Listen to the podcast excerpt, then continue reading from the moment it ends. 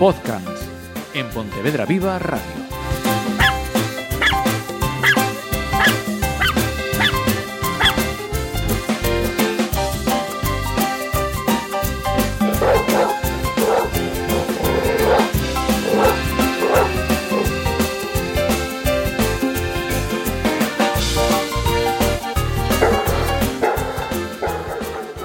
Saludos y vamos a comenzar con un felicidades este podcast porque ya llevamos y sobre todo lleva nuestro educador canino Diego Álvarez un año acompañándonos y enseñándonos para hacer felices a nuestros perros, como bien nos decimos en podcast. Lo primero de todo, felicidades, Diego. Muchas gracias igualmente. Es increíble. Yo creo que eres la relación más estable que he tenido con una, con una chica. O sea, me he dado cuenta lo deprimente que es mi vida.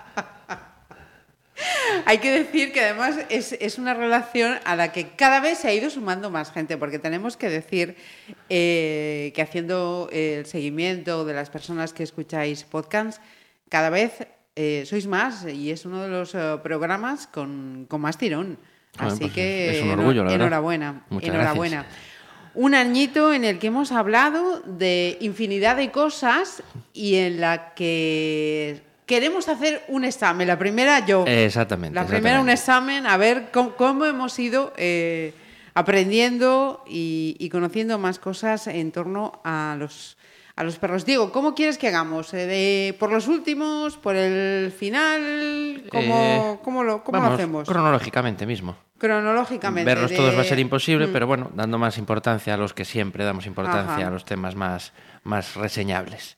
Pues si nos vamos al principio de los tiempos, hace un año tan solo, eh, bueno, el primer programa lo dedicamos a explicar cuál iba a ser la filosofía de podcast. Y la primera lección que nos traía Diego era la dominancia. Correcto, correcto. Un, un- un tema escabroso, digamos, un tema Mm. en el que siempre, bueno, de hecho, aún en día, cuando voy con Bella y me encuentro a alguien, eh, ¿qué tal? Eh, ¿Es tranquila tu perro? Sí, es que el mío es muy dominante.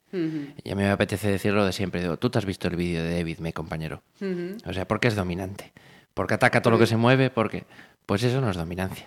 Si me- lo tenemos comentado, si me estás hablando de un macho sin castrar, con unos niveles de testosterona elevados, pues a lo mejor el problema viene de ahí.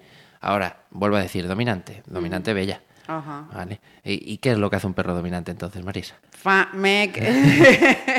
Y silencio incómodo, aquí metes unos Sí. grillos, No, voy a meter el zasca. el zasca, en toda la boca. No sé exactamente eh, responderte a la pregunta. Nos has puesto el ejemplo, ¿no? Mi perro es dominante, mi perro, digamos, es el que me lleva, no llevo yo a, a mi perro. Pero cuando comenzábamos eso con, eh, señal- o sea, con términos como lo de dominancia, señales de, calma, eh, la llamada, el clicker, los juegos de olfato, y yo decía, "Mm, yo soy una ignorante total y absoluta y lo reconozco y, lo digo y lo reitero.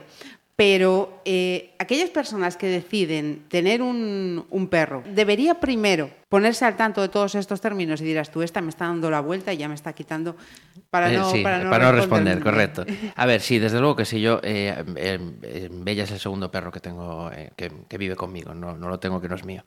Eh, pero eh, siempre lo pienso, eh, si el día que por desgracia me falte Bella, pues a mí me gusta pues eh, saber, incluso llega- llegado al punto, tener distinto- mm, distintos tipos de animales. Y una cosa que me hace bastante gracia son las ratas. Eh, He visto vídeos y tal, son súper inteligentes, son cariñosas y tal. Eh, yo hoy por hoy me... Sí, sí, sí, es una pasada. Hay vídeos por internet que te puedes morir de la risa. Eh, me planteo, bueno, si el día que me falte Bella, mi ritmo de vida es, eh, es complicado. Va a cambiar, lógicamente. Eh, Exacto. Y eh, hoy por hoy eh, eh, atender, digamos, bien a Bella me es muy complicado. O sea, acabo las jornadas laborales tardísimo, de sacar, es eso, o sea, de cubrir todas sus necesidades.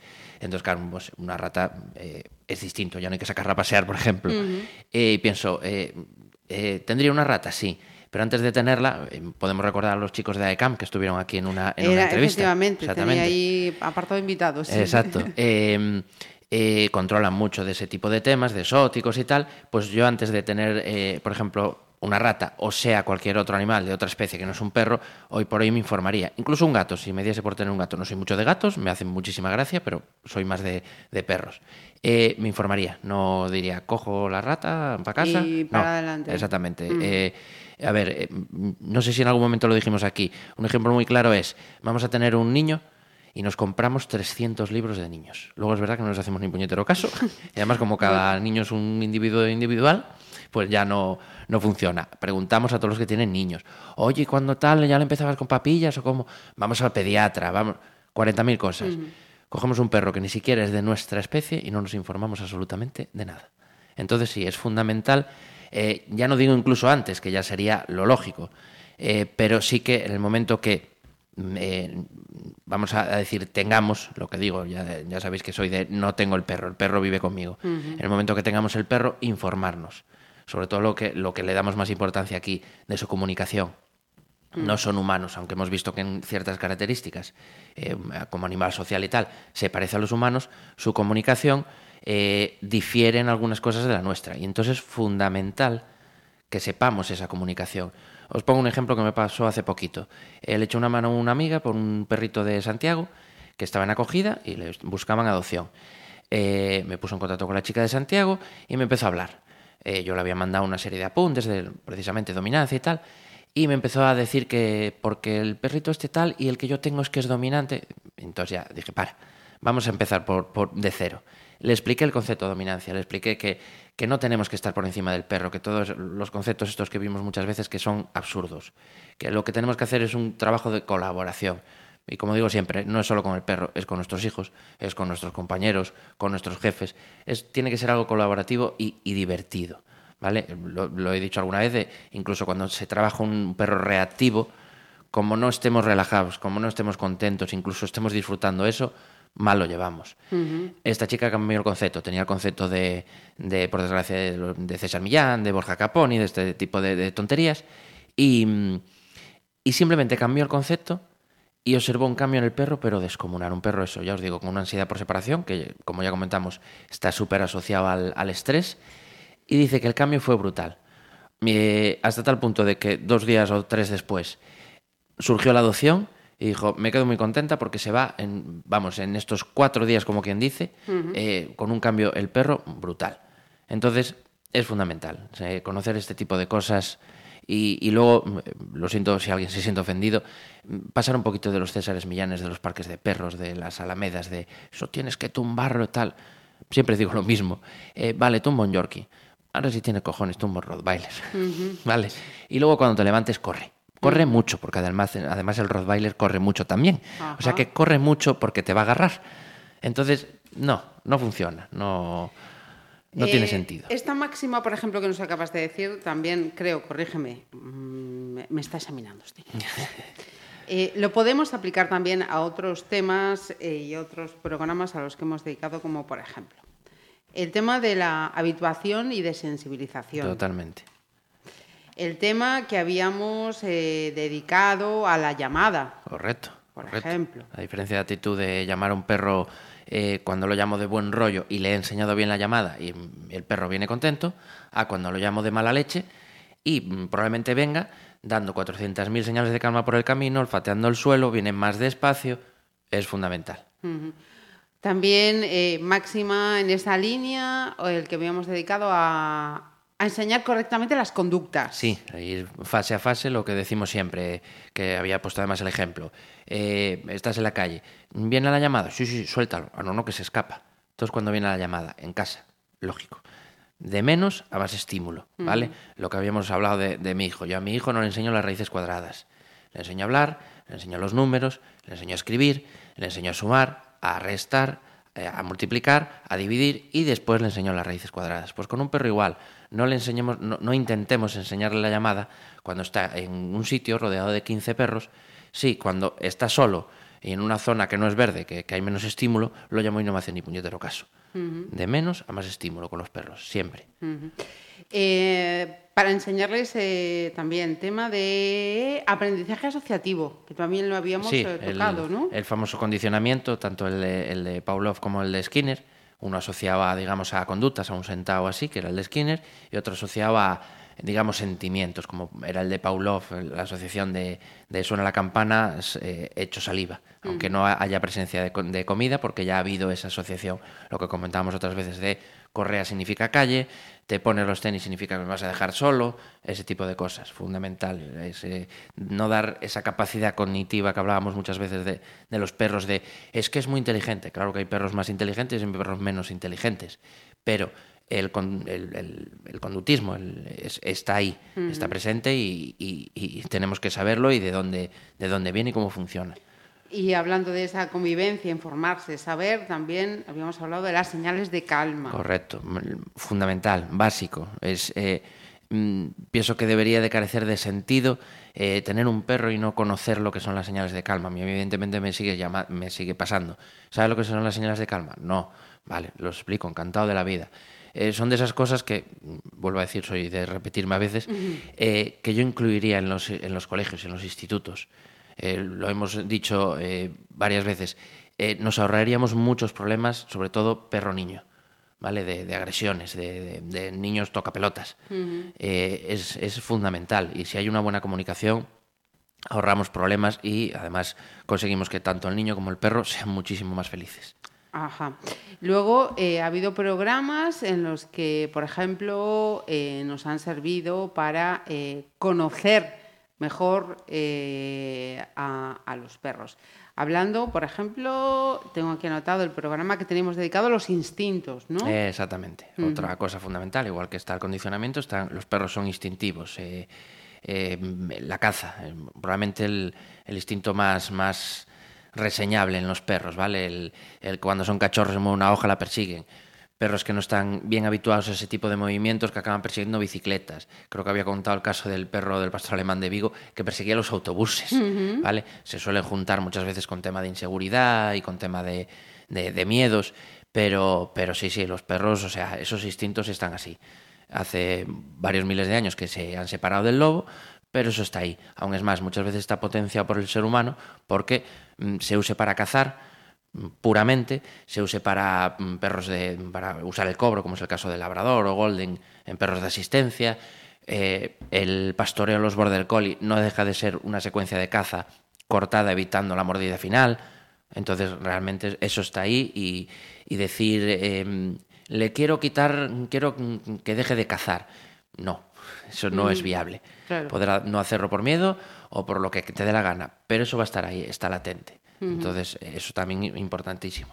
Y hablando de instintos, eh, que fue de los primeros programas que habíamos hecho, entre los últimos estaba el tema de las conductas agresivas, ¿no? que sí tenía relación, lógicamente. Sí, correcto. Ahí con... eh, habíamos dicho también que no, no nos gustaba mucho el, el digamos, el, el concepto. El concepto en sí y el, el decir, es un, una agresión de, vale, evidentemente hay que ver el fondo, pero mm, a veces, muchas veces, como lo de los famosos PPPs, que también hicimos su programa, eh, poner nombres, lo, lo, peligroso que es a veces poner nombres. Entonces, eh, es lo que os decía, eh, a veces se junta ese instinto de caza con esa inseguridad y tenemos muchos perros que en realidad lo que están haciendo es un ataque por, por miedo más que por, por otra cosa. ¿vale? Y habíamos hablado de eso, sobre todo el miedo, es de lo más común la, los perros que atacan por miedo a otros perros, por falta de socialización, mm. por malas experiencias o a humanos. Eh, ¿Qué sentido tiene reñir a mi perro porque tiene miedo lo que está haciendo es defenderse? Carece de sentido. Y más aún viniendo de nosotros, que quiero decir, eh, somos lo que más quieren y con quien más les gusta estar. Y les reñimos por hacer algo que para el perro es totalmente natural. Ahí lo que programas también que tuvimos de refuerzo y sí, de sensibilización, exacto, por ejemplo, ¿no? y refuerzo positivo, trabajar en positivo, uh -huh. eh, el castigo que también lo vimos, eh, evitar sí. el castigo mm, de hacer lo que sea inmediato, que habíamos hablado también que por, uh -huh. por el tema de, de del, de eso, de las asociaciones, si no es inmediato no va a haber asociación, estas tonterías de llego a casa, se hizo pis, le cojo la cabeza y lo meto en el pis, pero no tiene ni idea. Luego mucha gente dice, pero cuando entro en casa y hay un pis, ya le veo que el comportamiento es distinto. Si, vuelvo a decir, una asociación sabe que eso está ahí y sabe que por culpa de eso le va a caer una bronca, pero el perro no es consciente de que ha orinado y lo ha hecho mal. ¿Vale? Entonces, el castigo a largo plazo carece de sentido por completo en los perros. Porque insistimos, tú lo has repetido muchas veces eh, a lo largo de estos programas. eh, tú lo de los castigos. eh, em, No, a ver, eh, creo que en su momento cuando hablamos de castigo sí lo dije, que un castigo negativo, es decir, quitarle algo al perro que le gusta porque no me ha dado una conducta que le he pedido o ha dado una conducta que yo no quiero, no está mal. ¿Vale? Eh, Creo que lo habíamos dicho, eh, mm, problemas de eliminación en casa, el perro justo está haciendo pis delante nuestro, le tiro un libro al lado para que ese sustito le corte la meada, pero inmediatamente bajo, hace el pis en la calle y le doy un premio. ¿Vale? Ese tipo de, de- de castigo hasta cierto punto, bueno, en este caso no sería un castigo negativo, sería un castigo positivo porque le doy un susto. Eh, pues puede ser permitido. Ahora, zurriagazos, tirones de correa, eso desde luego que no. O sea, eh, em, creo que alguna vez lo puse en el, en el Facebook. Eh, un collar de estrangulamiento yo lo asocio con una horca. Un collar de pinchos, pues podría ser, ¿cómo se llamaba esto que se usaban en la. en- en- bueno, esto que se clavaba en la nuca, el, ah, el garrote vil, creo que era. El garrote. El garrote vil. Un collar de descargas es la silla eléctrica. O sea, eh, no creo en ese tipo de castigos para los humanos. Es cierto que hay humanos que hacen verdaderas barbaridades, pero no creo que el castigo funcione para los humanos, menos aún para un perro que lo que está haciendo o entre comillas no es consciente o lo hace porque su instinto o lo que haya aprendido se lo está marcando. Entonces, no, el castigo no, para mí, desde mi punto de vista, eh, funciona. Desde luego, evidentemente, si un perro ataca a otro y en el momento del ataque le meto una mano de hostias, pues el perro evidentemente va a decir, ostras, pues no ataco. Eh, ya habíamos hablado. ¿Eso es ético? No. Claro. O sea, mm, voy a poner a mi hijo a estudiar, si no estudió mm, dándole correazos, no, gracias a Dios, poco a poco eso se está eliminando y tenemos que eliminarlo a, a nivel general. Y vuelvo a decir, y esto no es solo eh, a cara padre-hijo o con el perro, no. O sea, yo en el trabajo en el que estoy ahora mismo estoy súper feliz porque mi jefa no recurre a ese tipo de tal, ni a gritos, ni... y da gusto trabajar así.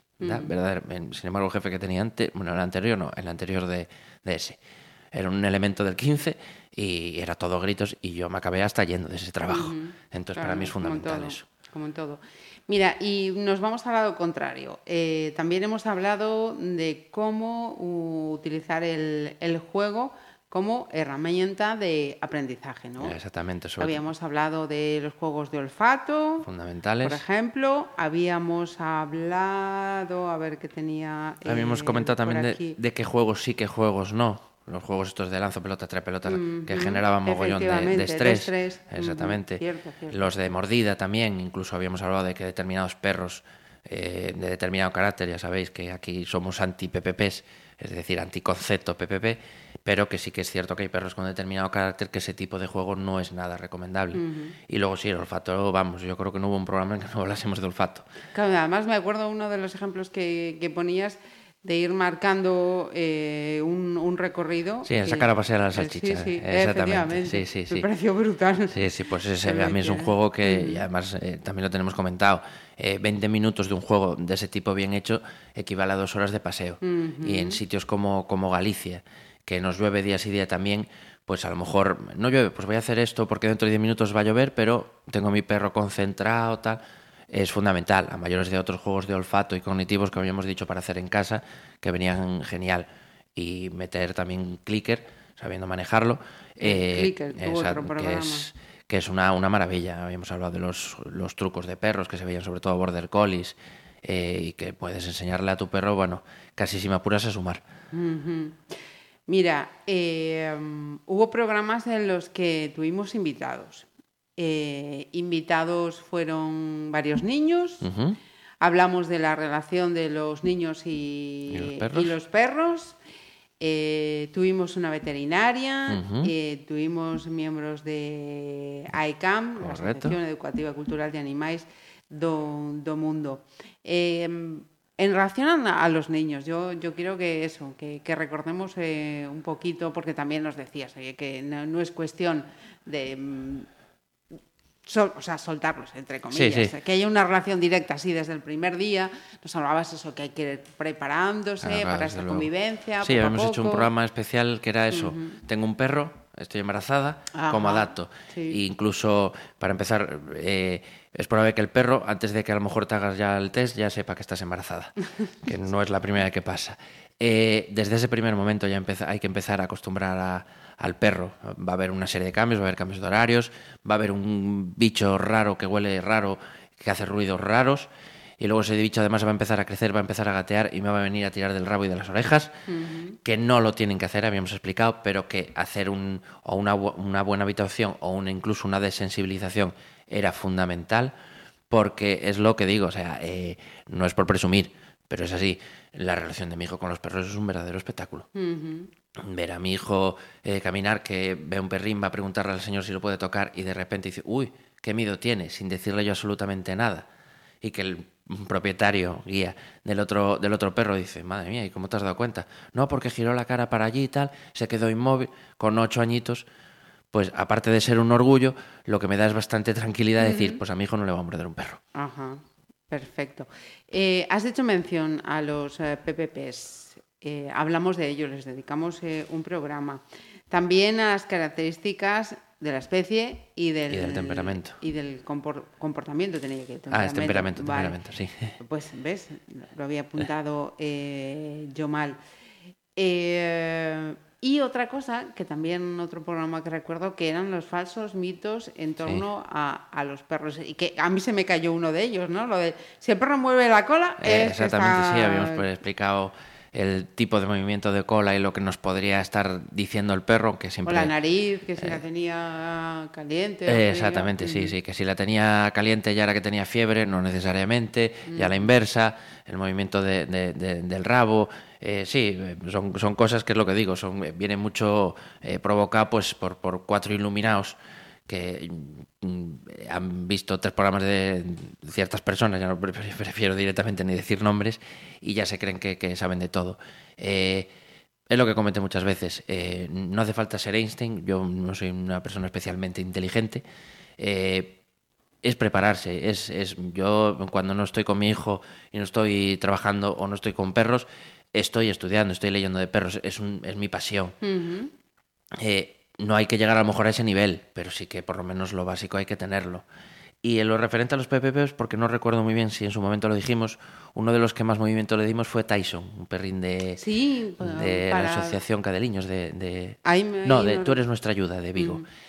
Se adoptó, finalmente se ah. adoptó, sí, sí. Un chico que muy bien, está muy contentos con él. Y, da gusto, da gusto porque es, lo de siempre. Eh, no hablamos de PPPs, hablamos de determinadas características del perro, potenciado muchas veces por el, por el, muchas veces o por no decir todas, que además es el programa que viene, lo del tema de las razas. Eh, y este perro es que verdaderamente era un santo. Yo no sé si en su momento lo habíamos llegado a contar. Eh, este perro vivía en un piso con otros cuatro perros, cinco niños y el matrimonio.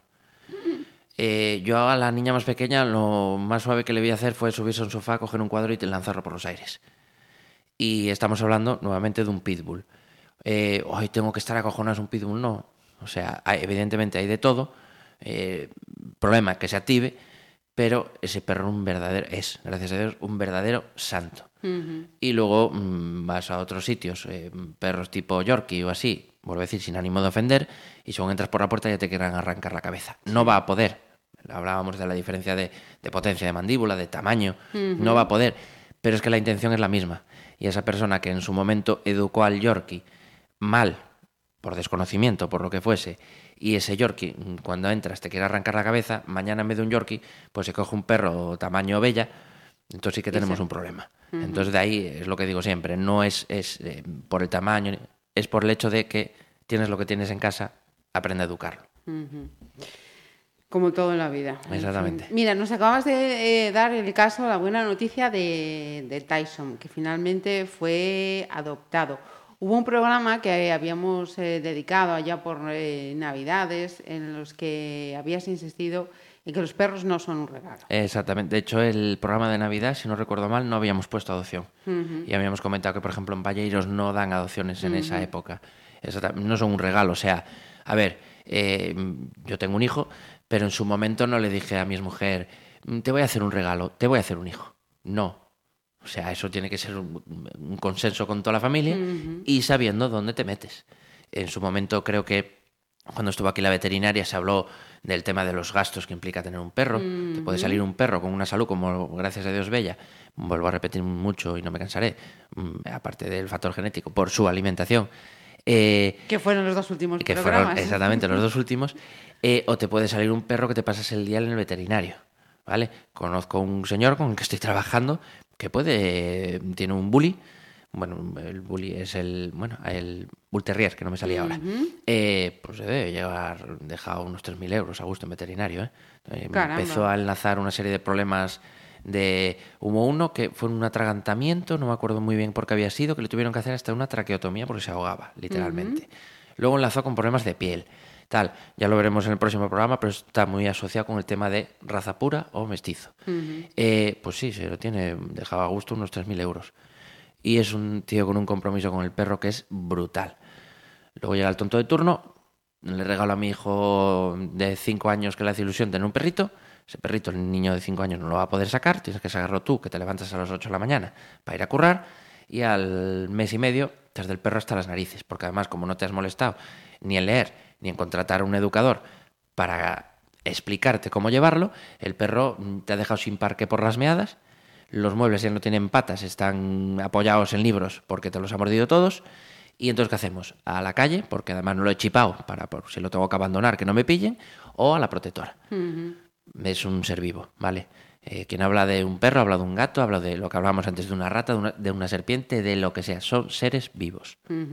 Entonces, estando nosotros arriba, deberíamos de saber hacer ese tipo de cosas. Eh, también habíamos dedicado un programa al, al, est- al estrés, que a mí también me llamó la atención, porque decía, bueno, el estrés, a ver, que levante la mano, quién es el primero en esta sociedad hoy que, que, que no sabe lo que es el estrés. Pero es que los animales también. Correcto, correcto. Mucho eh, influenciado por nuestros ritmos de vida. Exactamente. eh, trabajamos un montón de horas. no nos vamos a engañar. La conciliación familiar, sea con tu hijo, sea con tu pareja, sea con tu perro, en España es nula. Eh, y entonces eso evidentemente pues, habíamos visto todo lo que llega a provocar el estrés, eh, desde algo tan obvio como pasarse horas y horas metido en casa, a algo tan menos obvio como es el hecho de que vayan tirando, sea con un arnés, sea con un collar, sea con lo que sea, y acaba el perro desquiciado, o lo que habíamos dicho de lanzar pelotas, eh, la alimentación, un montón de cosas. Y básicamente yo ahora siempre lo suelo resumir en una cosa. Eh, ¿Por qué está el perro estresado? Porque no es perro. ¿Vale? No les permitimos olfatear. Volvemos a, lo de siempre, al olfato. Eh, van por la calle, olfatean una caca, ¡ay por Dios, qué asco! A ver, qué asco si lo hace un ser humano, ¿vale? Sí, sería muy desagradable. En un perro es normal. Que se lo coma ya no, ¿vale? Habíamos hablado, creo que fue, había sido... Sí, en las últimas. Sí, por- los- de la coprofagia, sí, correcto, de la alimentación, alimentación, natural. Eh, no es normal que se la coma. ¿Que la huela? Desde luego que sí. Buscar zonas verdes que relajan eh, todos esos olores. Eh, es, eh, es lo, lo básico, lo, o sea, em, El uno más uno. Exacto. eh, yo voy por la calle, ya lo- creo que lo había comentado, que voy como, como lo, que, lo que llevan los caballos, esto para solo poder mirar hacia adelante. Sí. Yo voy así, procuro no ir mirando para los lados y ir viendo a los perros, porque acabo mm, de muy disgustado y de muy mala hostia. Porque es eso, ver a la gente y venga a tirar del perro. Y, y el perro sale 10 minutos al día y venga a tirar del perro. Deja al perro colfate. Es fundamental. Ajá. Mira, yo eh, en estos meses que llevamos haciendo este programa, sí que eh, me, me he contenido muchas veces, así como dices tú, me, me pongo, no sé si se llaman eh, mm, orejeras, porque se pone sobre las así, orejas, para que solamente miren a- al frente. Eh, pero yo muchas veces he tenido que morderme la lengua, porque mm, tú tienes dicho aquí, eh, eso, hay, hay perros que, que tienen unos... mm, como animal, ¿no? Mm, Convivimos con ellos, es eh, un ser vivo más que está con nosotros, pero no deja de ser un animal. Entonces, tú cuando nos dices, eh, mira, es que el perro no te entiende, por mucho lo que hables, entonces vas caminando, vas paseando y de repente te encuentras eso. Ay, no sé qué, pero qué buen niño, hoy no sé qué, no sé cuál, súbete, tal. Me dan ganas de decir, mira, que es que, es que, no, que no te entiende. Sí, que no... mínimo. A ver, sí que en su momento yo creo que lo comentamos, que hablar con, con un perro relaja, ¿vale? Sobre todo si es una persona que vive sola, pues al final le acaba contando sus penas al perro. Yo hablo mucho con Bella, le cuento mis aventuras y, y te está mirando que parece que te está entendiendo. Que el beneficio sobre todo es para ti. Totalmente. Hay beneficio en parte para el perro por el hecho de que le estés hablando y para el perro hay una interacción y si te quiere pues está en plan ahí. Estoy abobado mirándote. Pero ¿qué está oyendo el perro? Nada. O sea, no está oyendo, está oyendo, Eh, pero no pero está entendiendo, entendiendo. nada. Mm, Nada. Y hablábamos eso en, en su momento cuando explicábamos lo de las lo de cómo enseñar los comandos, que tiene que ser un comando concreto. No le puedo pedir a mi perro, mira, por favor, siéntate que vamos a estar un rato en el supermercado y tienes que quedarte aquí fuera y luego ya cuando venga, no lo va a entender. ¿Vale? Entonces, sí, sí, es, es, eh, se les puede hablar, pero sí que a la hora de, de enseñar cosas, seamos concretos, ¿vale? No.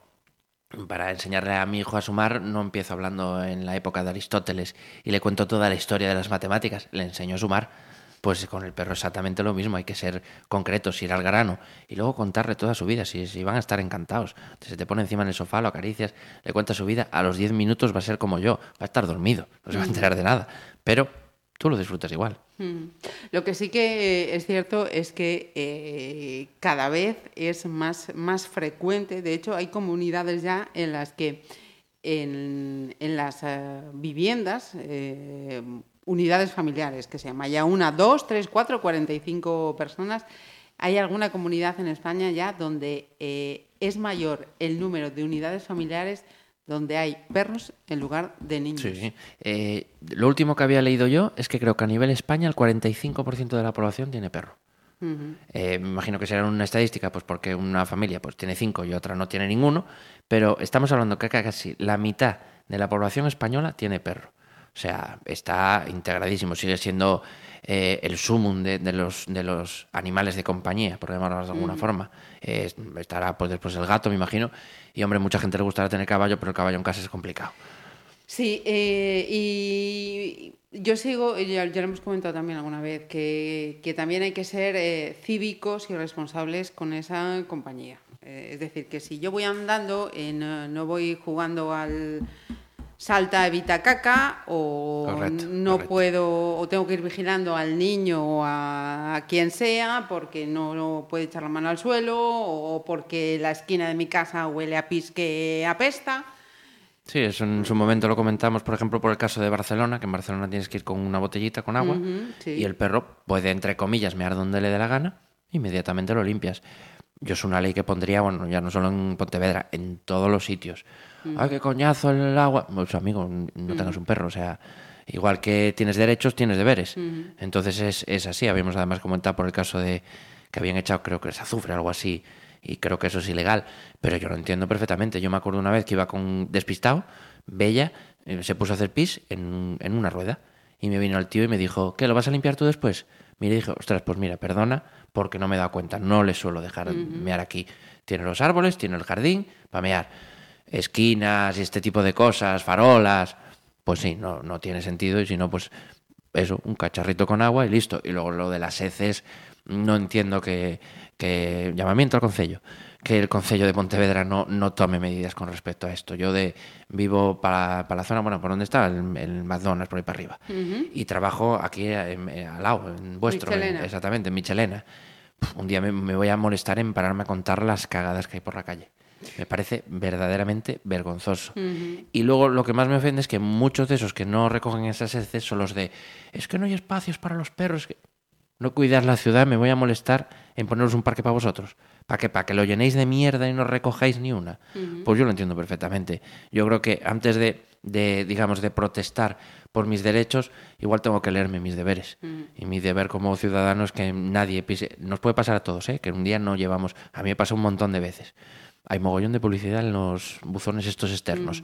Coges Un eso, papelito. exactamente, lo recoges, papelera y ya está. Y es vergonzoso. O sea, una ciudad que además es hiperpeatonal y tenerlo, como tú dices, eh, ir que, tener que ir haciendo slalom directamente. O lo que comentabas, que creo que lo habías contado tú, de ir corriendo.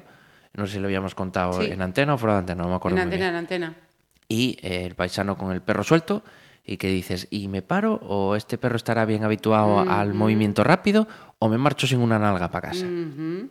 Eh, es lo de siempre, o sea, eh, deja de mirar... Comportamiento ético Sí, en general. Educación. Y en este caso, claro. Sí, sí, sí. Y lo hablábamos también de lo de los niños, del niño en la cafetería y correteando por todas las mesas.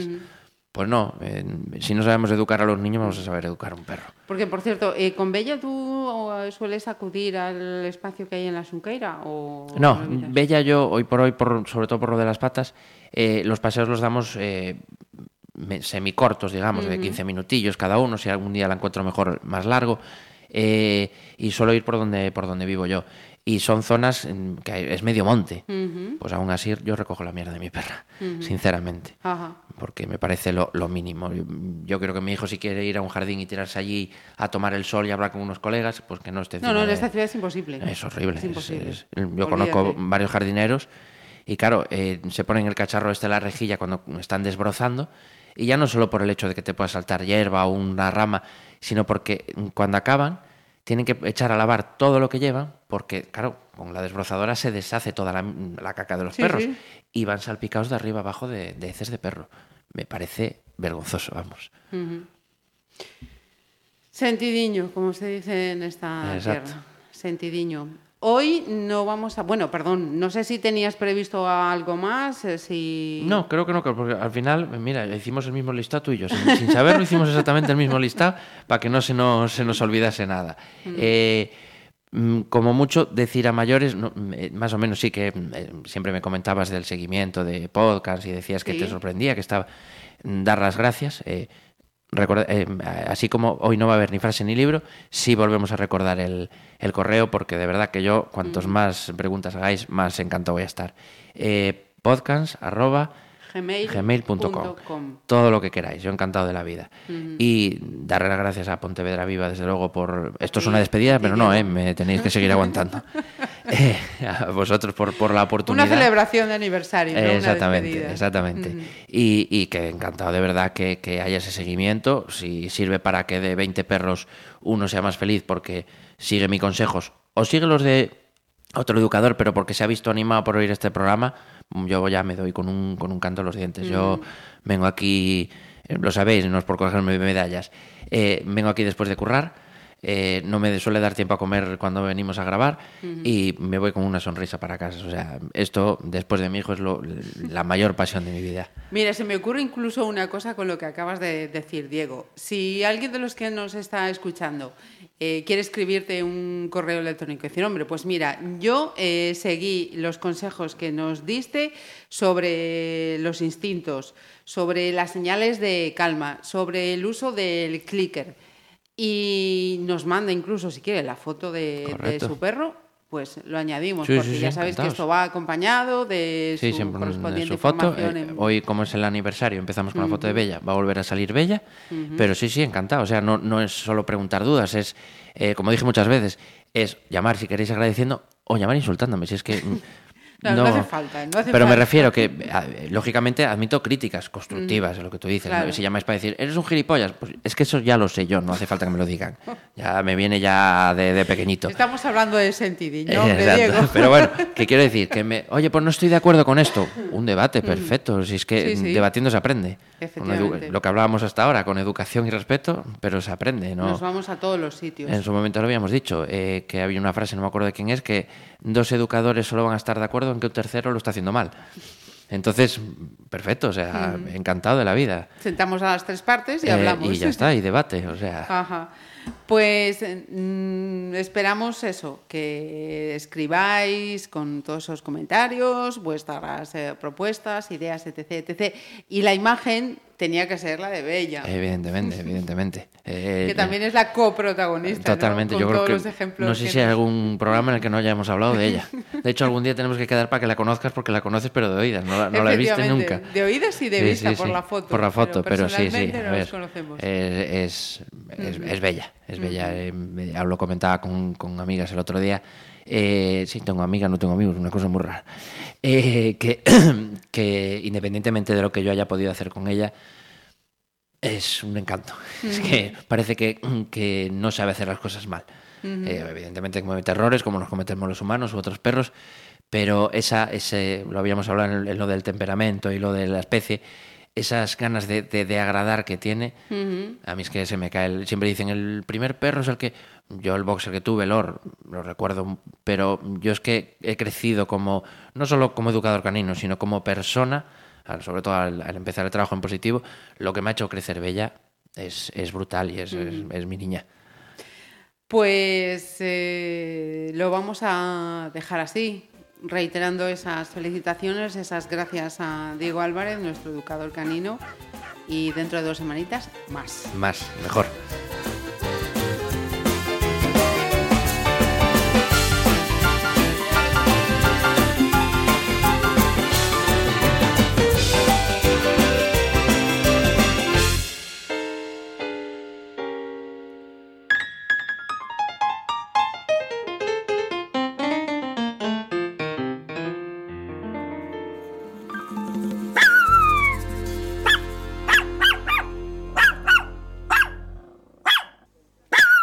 Podcast en Pontevedra Viva Radio.